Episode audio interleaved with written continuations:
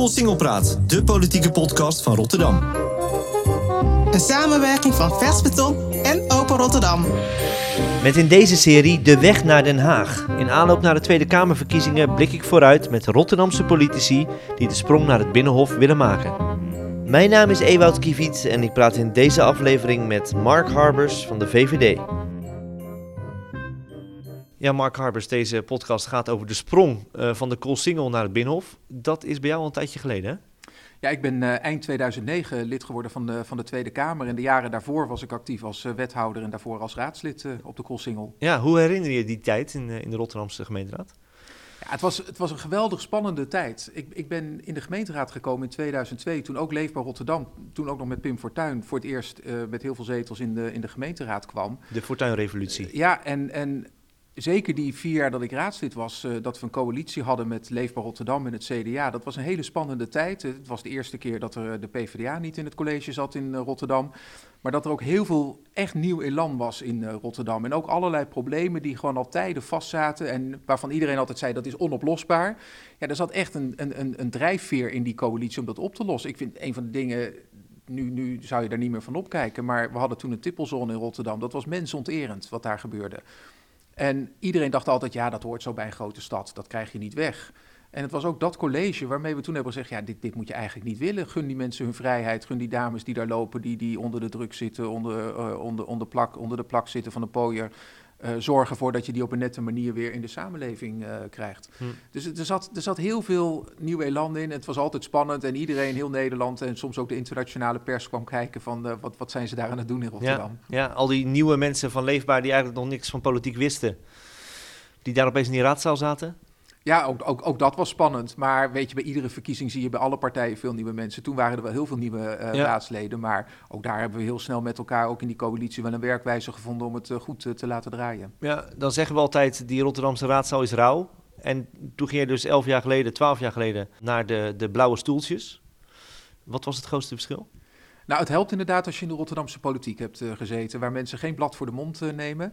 Uh, dan ben je in ieder geval aan een pittig debat gewend, want zo is dat ook hier in de Tweede Kamer. Wat ik nog wel een groot verschil vond, is Kijk, en in Rotterdam waren we al gewend aan veel media, ook, ook, in die tijd ook landelijke media, die toch iedere keer kwamen kijken wat gebeurt er in Rotterdam.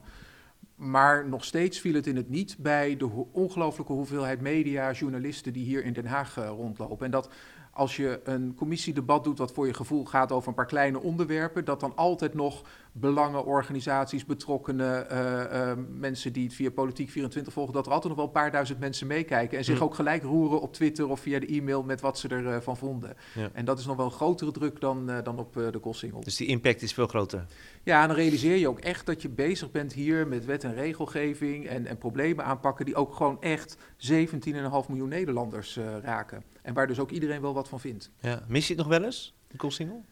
Nou, ik mis het niet echt, want ik woon hartje stad. Ik vind het overigens, dat vind ik ook wat mooier. Als je in die gemeenteraad hebt gezeten of in het college van BMW, dan op het stadhuis is het nog altijd een warm bad. Uh, de bodes, de mensen die er werken, uh, gelijk een praatje. Het is gelijk leuk als je daar weer even langskomt. Ja, ja dat, dat herken ik ook nog wel als ik als journalist terugga. Um, nu uh, stap je als wethouder op. dat ging toen rond de homofobe opvatting van Tariq Ramadan. Um, en ook als staatssecretaris stapt hij een anderhalf jaar op. Ja, en dat is, uh, dat is toeval, want de aanleidingen zijn uh, compleet uh, anders. Ja. maar ja, het is inderdaad twee keer. Ja, het is niet dat je geen doorzetter bent. Absoluut niet. Maar nee. ik vind of juist heel vak, principieel? Ik vind in dat vak belangrijk dat je ja, ook je verantwoordelijkheid neemt als dingen niet goed zijn gegaan. Kijk, in de eerste keer was het ook niet iets op mijn portefeuille, maar echt een nee. zaak die voor de VVD principieel was. Uh, ja, de tweede keer is er gewoon onder mijn verantwoordelijkheid, hè, zonder dat ik dat zelf van tevoren al precies uh, had gezien, maar je bent er wel verantwoordelijk voor. Ja, is er toch een soort verdoezeld beeld aan de Tweede Kamer gegeven over hoe ernstig het nu was met incidenten en, en, en, misdaden begaan door, door asielzoekers. Ja, want even, even voor, voor de luisteraar, daar ging het om dat die onder een kopje overig stonden. Ja, daar bleken, daar, daar bleken juist de, de, ernstigste feiten onder te vallen. Ja, en daarmee had je eigenlijk de Kamer verkeerd geïnformeerd. Ja. Dat is een politieke doodzonde, maar men zei wel van ja, misschien had hij het wel overleefd. Dat zou kunnen, maar wat ik uh, niet zou willen is, uh, tuurlijk kun je er ook wel weer uitredden. Maar dan ben je toch zo iemand die gaat bungelen en... Weet je, dan, dan is het ook nog, waar, waar gaat het dan over? En dit was het grootste probleem wat ik had. Namelijk uh, overlast door asielzoekers. Vaak ook asielzoekers die geen recht hebben op verblijf in Nederland. En die dan ondertussen hier de fout in gaan. En uh, waar je in de omgeving van heel veel asielzoekerscentra in Nederland al zag dat, dat gemeenten, dat bewoners, omwonenden allemaal eigenlijk daartegen in opstand uh, kwamen. En als dat zo'n kernpunt is, waarbij ik ook bezig was om dat te kijken met welke maatregelen je dat kon aanpakken, en soms ook wat onorthodoxe maatregelen, dan vind ik dat er geen twijfel mag zijn over de ernst van het probleem wat daaronder uh, ligt. Want dan raakt het je gewoon in, in, in, in alle dossiers waar je verder mee, uh, mee bezig bent. Je, je hoort dan vaak, die Harbers die was heel ongelukkig toen hij staatssecretaris was. Wel nee. Nee, weet je, die, die, die post-asiel en migratie, hè, die, die, al tientallen jaren zegt, uh, uh, zegt iedereen in de buitenwereld... oh ja, dat is de hoofdpijnportefeuille van het, van het kabinet. Um, maar zo heb ik het zelf niet ervaren. Kijk, als je op een plek in een kabinet zit, dan, ja, dan moet je geen, geen watje zijn. Hè, want dan, dan loop je allemaal butsen en deuken op. Je bent tenslotte besteld om problemen op te lossen. En mm-hmm. je moet in een kabinet, je hebt niet eens tijd om je te bemoeien met alles wat goed gaat. Um, het verschil is misschien nog wel dat als je begint aan een post asiel en migratie, dan weet je eigenlijk ook wat je te wachten staat. Je weet dat er een paar keer in je ambtstermijn uh, uh, een ingewikkelde situatie ontstaat als mensen gewoon uitgezet moeten worden, omdat ze geen recht hebben op verblijf in Nederland. Maar dat zijn van die dingen, daar kun je je ook mentaal op voorbereiden. En uh, je ziet in je omgeving in het kabinet dan ook nog wel andere bewindspersonen die acuut een probleem krijgen waar ze misschien daarvoor ook nog nooit van, uh, van hebben gehoord. Ik bedoel, ik had ook erg te doen met collega van Nieuwenhuizen, die uh, in het begin van deze kabinetsperiode, ja, toen was dat vreselijke ongeluk met, met de stint. Ja, de trein uh, overheen dat, gereden. Ja, ja, En, en, en dat is zo'n probleem, dat, zo'n zo ongeluk dat komt opeens op je pad. Daar heb je van, waarschijnlijk van tevoren ook nog niet over gehoord. Dus iedereen in een kabinet komt voor een hele ingewikkelde situatie te staan. Ja. En tegelijkertijd is het ook niet zo, als je asiel en migratie doet, het is niet zo dat je de hele dag bezig bent met, met het beoordelen van dossiers van mensen die in Nederland uitgeprocedeerd zijn. 98% van je werk is uh, gewoon kijken hoe je het stelsel beter maakt. Uh, wat je daarvoor in Europa nodig hebt, uh, wat je daarvoor in Nederland nodig hebt. Dus nee, ik heb, ik heb daar geen hoofdpijn van gehad. Maar voor jou was eigenlijk de spannendste affaire was Lilian Hoek. Ja. Was eigenlijk spannender dan, dan waar je over je gevallen bent. Die was spannend, maar uiteindelijk ook, ook opgelost. En ja, weet je, dat is ook zoiets. Aan het begin van je ambtstermijn weet je dat er zo'n zo'n situatie komt. En sterker, deze speelde al toen ik aantrad als staatssecretaris. Want de moeder die was op dat moment Nederland al uitgezet. En de kinderen waren ja. in Nederland gebleven. Maar die kon ik ook van al mijn voorgangers. Hè, je weet nog Mauro, Taïda Pasic. Je weet bij ja. al je voorgangers weet je eigenlijk ook nog de naam mm-hmm. van degene die verbonden is aan die ambtsperiode. Dus daar kun je je ook mentaal op voorbereiden. Ja, maar ben je dan niet heel erg opgelucht dat je nu over klimaat kan praten in de Kamer? Nou, als je zegt van uh, hebben we dat probleem al helemaal opgelost, de, dan gaat de vergelijking wel op. We hebben een klimaatakkoord in Nederland. Maar nu begint het taaie werk om dat uh, de komende 30 jaar ook stap voor stap uit te voeren en te zorgen dat we dat klimaatdoel in 2050 van geen CO2 meer de lucht in, dat we dat bereikt hebben. Dus het is, het is net zo taai. Het is soms ook, het, het, het duurt een tijdje voordat je resultaten ziet. Maar zolang ik het gevoel heb, hey, we nemen de goede maatregelen, we, we denken eraan hoe mensen het thuis mee kunnen maken, hoe ze het betaalbaar kunnen doen, hoe we ondertussen de situatie voor bedrijven zo maken dat ze de verduurzaming in Nederland kunnen doen in plaats van dat ze zeggen, ja hier zijn de regels zo streng, ik ga wel naar Duitsland of België, dan vind ik dat we op de goede weg zijn, um, ongeacht dat het nog heel veel jaren heel veel inzet zal vergen. En als je nu moet kiezen voor een volgende periode, het kabinet in of in de Kamer blijven? Ik sta op de lijst. En dat betekent uh, uh, in ieder geval dat je ook bereid bent om uh, vier jaar de Kamer in te gaan. En, en ik ga er niet over wat er voor de rest gebeurt. Maar je hebt wel een voorkeur? Nou, ik, ik, ik, weet je, het leuke is, ik vind, ik vind het allebei leuk. Mijn leven is niet mislukt als het het een wordt en het andere niet. Ik heb in mijn leven een paar keer de switch gemaakt. Ik ben raadslid geweest dan ben je dus volksvertegenwoordiger en ik ben wethouder geweest in Rotterdam. Dat is bestuurder, dat is echt een totaal ander vak. En ik ben uh, hier op het Binnenhof ben ik Kamerlid en ik ben staatssecretaris geweest, dus ook weer volksvertegenwoordiger en bestuurder. En ik durf echt van mezelf te zeggen dat ik het allebei even leuk vind. Hoewel beide functies iets heel anders vragen van, van waar je je dan op moet richten. Ja, want er wordt wel gezegd, um, de volgende periode, Harbers is een van de kandidaten om fractievoorzitter te worden. Ja, er wordt uh, van alles gezegd. Uh, maar voorlopig is het uh, de komende vijf weken eerst nog even de strijd om uh, überhaupt zetels te winnen. Ja, maar ja. zeven zetels moet lukken, toch? Zeker. en eh, ehm, eh, kijk, weet je, dat is, ik, ik begrijp het ook wel. Hè. Dat is natuurlijk iedereen is alweer aan het kijken van, van wat gebeurt er met al Ja. die mensen eh, straks. Eh, maar het enige commitment wat ons is gevraagd als kandidaten is om je voor de komende vier jaar daarin in te zetten, op welke plek dan ook. En dat commitment heb ik eh, gegeven. Eh, eh, Er is geen lijstje voor wie mogelijk de fractievoorzitter wordt. eh, is in ieder geval niet gedeeld met mij. En ik ga er vanuit, eh, Mark Rutte kennende, dat hij ook zo in de wedstrijd zit dat hij denkt, laten nu eerst de kiezers maar eens be- bepalen hoeveel zetels iedere partij krijgt. Ehm, en als je voldoende zetels hebt dat je mee mag doen aan een kabinetsformatie, laten we dan eerst maar eens kijken of we een kabinetsformatie tot een goed eind brengen. En eh, hoe dan vervolgens alle plekken verdeeld worden, dat is altijd het sluitstuk van een kabinetsformatie. En dat vind Ja. ik ook de goede volgorde. Ja. Maar nu is het bij de VVD zo dat je eigenlijk maar twee periodes op de lijst mag staan. Ehm, je bent in 2009 in de Kamer gekomen. Toen heb je daarna verkiezingen mee gedaan, nog een keer. Ehm, dan, heb, dan zit je al over die termijn heen. En dan wordt er bij de VVD gezegd, dan moet je iets heel uitzonderlijks gedaan hebben, mag je nog een keer op de lijst komen. Hoe is dat bij jou gegaan? Nou ja, het is precies op die manier eh, gegaan. Eh, kijk, ik heb zelf natuurlijk ook wel bij mezelf nagegaan in de afgelopen anderhalf jaar na mijn terugkeer in de Kamer van zou ik nog een keer willen. Ehm, en dat heb ik niet zeg maar eh, eh, heel snel eh, beantwoord. Ik ben ook rustig bij mezelf te raden gegaan. Eerst maar weer eens aan de slag in de Kamer, kijken of ik het nog leuk vind. Nou, en ergens rond de zomer had ik voor mezelf wel het beeld. Nou, ik vind het zelf in ieder geval nog leuk. Mhm. Dus dan is het afwachten wat de partij vindt. En in het najaar kreeg ik inderdaad een telefoontje van het, van het partijbestuur... dat als ik zou willen, eh, zij mij ook uitnodigden om nog een keer te kandideren. Ja. Dus ja, dat is... ja, En waarom wil je het dan? omdat ik, ehm, ik... Ik heb vaak gedacht, spannender dan dit wordt het niet. Maar dan gebeurt er weer iets. Hè. Ik bedoel, lang geleden was ik financieel woordvoerder, hadden we de eurocrisis. Nou, daarna ben ik dus inderdaad in het kabinet iets heel anders gaan doen. Maar als je nu ook ziet hoe zo'n coronapandemie eh ingrijpt... en hoe dat waarschijnlijk ook in de komende jaren... eh, gewoon eh, het leven van mensen zal, zal beïnvloeden. Hè. Nu gewoon heel acuut Ehm, houden we de zorg op orde, houden we de bedrijven eh, in de lucht en is er, eh, eh, kun je dus straks weer ook gewoon aan de slag, ook als je je nu zorgen maakt om, om je baan. Ehm, en ik vind het leuk om als dat soort, of leuk is misschien niet het goede woord, maar ik, ik, ik, ik, ik, ik wil me er wel heel erg voor inzetten om als straks dat soort fundamentele keuzes weer op tafel komen, om dan ook mee te helpen aan de goede oplossingen daarvoor. Ja.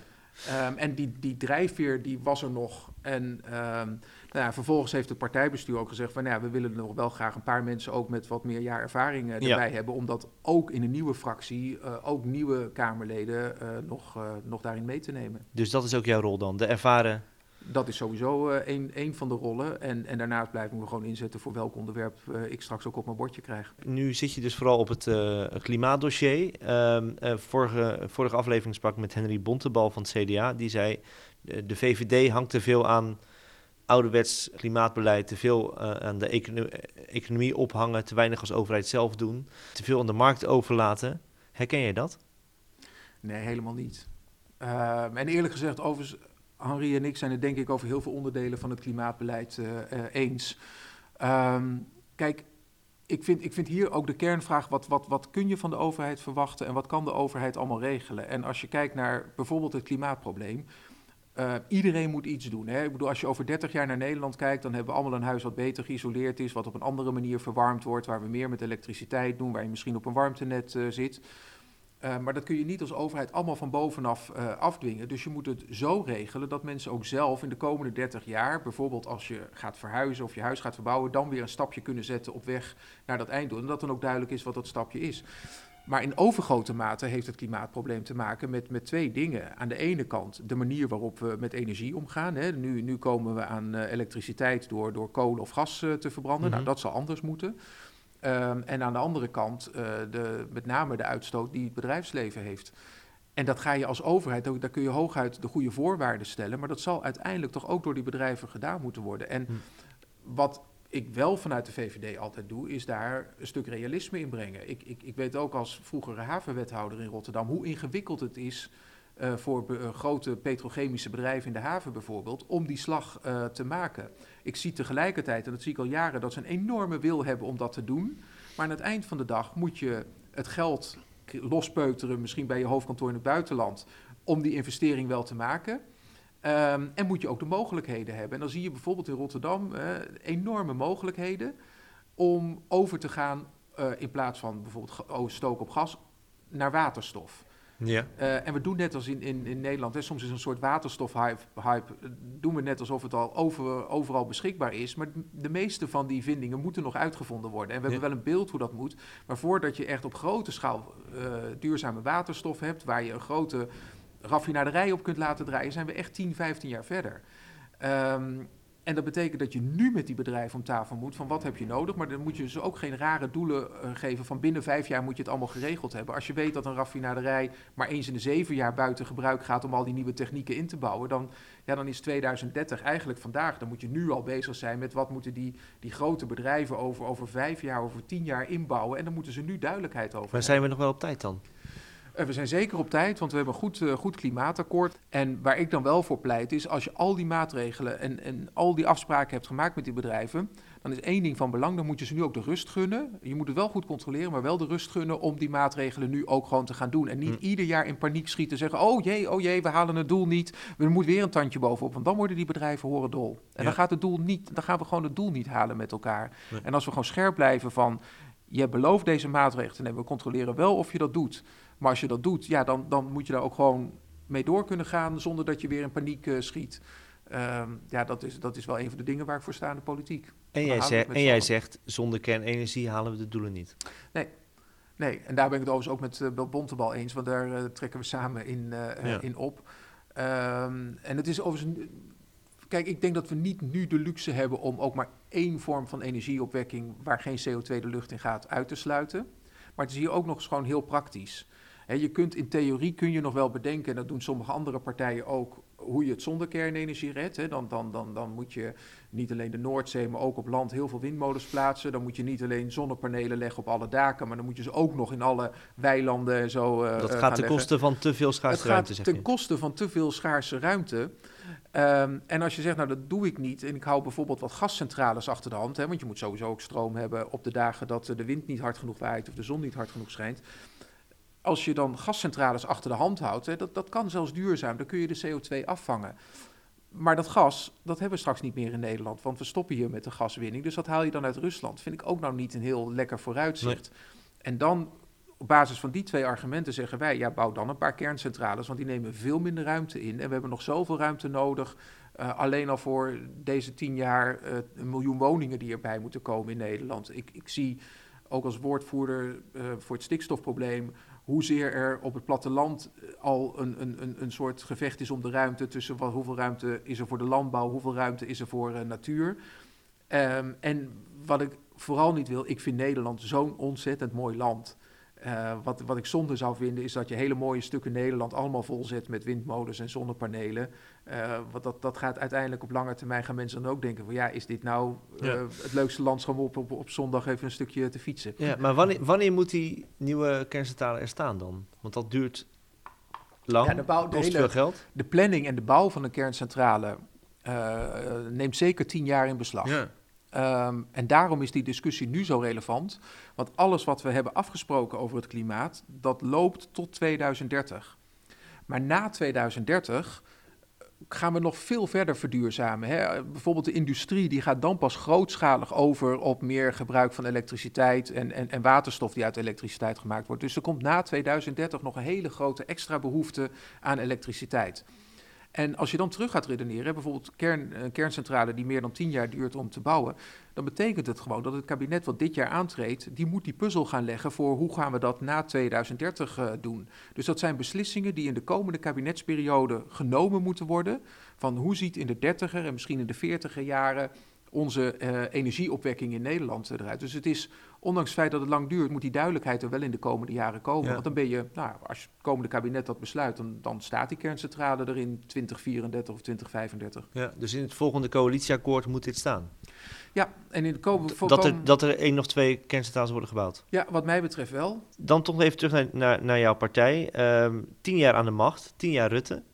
Uh, dit zou wel eens de laatste keer kunnen zijn. V uh, hoe groot is dat gat wat er achter Rutte valt in de partij? Nou, kijk, Rutte is een fantastische lijsttrekker. En uh, het is aan hem om, om uh, over zijn eigen toekomst te gaan. En tegelijkertijd zie ik in de partij, ehm, hier in de Tweede Kamer, straks op de nieuwe kandidatenlijst en ook in het land zie ik voldoende mensen die, die ook op een geweldig goede manier politiek kunnen, kunnen doen. Ja, je ziet ook wel nieuwe leiders rondlopen. Ik zie heel veel, heel veel mensen, ook van de jongere generaties dan ik, met heel veel talent. En volgens mij is de kunst om in de komende tijd dat, dat ook te laten zien. Kijk, de VVD heeft, en in de geschiedenis heeft altijd hele goede lijsttrekkers gehad.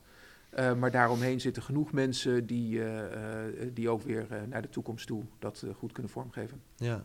Je hebt er zelf ook wel eens eentje gescout, toch? Ja, dat kan me goed herinneren. Het was vier jaar geleden in de Tweede Kamerverkiezingen. Toen we de, in allerlei wijken ook langs de deuren gingen om met mensen aan de voordeur in gesprek te gaan over politiek. Wat ze van hun wijk vinden, waar de politiek ja, oog voor moet hebben, waar, waar ze tegenaan lopen.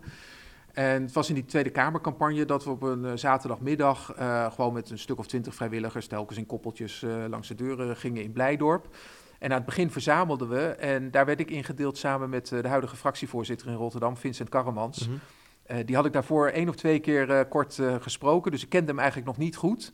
Maar we zijn toen drie uur lang langs de deuren gegaan. En tussendoor praat je natuurlijk ook heel veel, maak je kennis. Uh, ja, kwam ik erachter dat, dat hij ook wel heel veel wilde met de stad. En ik heb hem die middag ook gevraagd van zou je de gemeenteraad in willen? Want volgend jaar zijn de verkiezingen. En toen was hij nog een beetje afhoudend. Zei ja, weet ik eigenlijk niet, nooit zo over nagedacht. Nou, daarna zijn we daarover blijven spreken. En een half jaar later was hij lijsttrekker bij de VVD in Rotterdam. En dat heb jij geregeld eigenlijk? Nou, niet alleen, maar uh, ik, volgens mij heb ik het hem wel, was ik de eerste die hem dat die middag uh, vroeg. En uh, we, hebben daar, uh, we hebben daar heel veel over gesproken in de maanden daarna. Ja. En, en ik was op dat moment uh, ook actief in de, in de Rotterdamse VVD. Ik zat in de commissie die ook de kandidaten voor de gemeenteraadslijst kennis maakte en selecteerde. Dus ik heb dat ook in die commissie ingebracht. Ik heb gezegd, nou, we zijn op zoek naar een lijsttrekker. En ik denk dat ik, dat ik wel een kandidaat heb. Er wordt hier vanuit Den Haag ook wel naar hem gekeken, toch? Hij, je ziet hem vaak bij, bij congressen al dingen presenteren en zo. Wordt, wordt hij echt gezien als een van de latere leiders van de VVD? Ja, dan weet je, dat staat allemaal in de toekomst. Maar waar ik gewoon heel blij om ben, in de eerste plaats voor Rotterdam en ook voor de Rotterdamse VVD en ook voor het land. Dit is één zo'n voorbeeld van iemand die gewoon fantastisch goed werk verricht. Ook in de gemeenteraad, ook in de lokale uh, politiek. Um, en met elkaar maak je die VVD. Kijk, wij kunnen het hier als Tweede Kamerleden ook niet alleen. Wij mm. hebben ook gewoon goede mensen in het land nodig. En, en Vincent is iemand die spreek ik heel veel, ook over wat er in Rotterdam uh, speelt. Ik hoor van hem wat um, uh, relevant is voor de, de politiek hier in, uh, in Den Haag, waar ik hier op moet, moet letten. En ik ben er heel trots op. En, en Vincent is ook een heel mooi voorbeeld daarvan, dat we zoveel talent hebben in het land, waar we ook in de toekomst nog heel veel plezier van kunnen hebben. Ja, maar je zou hem wel als potentiële VVD-leider zien? Nou, ik, ik hou er niet van om allerlei uh, potentiële stempeltjes op mensen uh, uh, te plakken. Um, ik, ik vind het vooral mooi als heel veel VVD'ers in de praktijk laten zien dat ze op een geweldig goede manier voor onze kiezers kunnen opkomen voor de dingen die wij als VVD belangrijk vinden. Um, en bij, bij Vincent heb ik in ieder geval één, uh, uh, nou ja, één ding waar ik me geen zorgen over hoef uh, te maken. Hij doet het goed en ongetwijfeld zit er nog veel in de, in de mars. Ja, want hoe kijk jij nu naar die lokale VVD in Rotterdam? Hoe volg jij dat nog?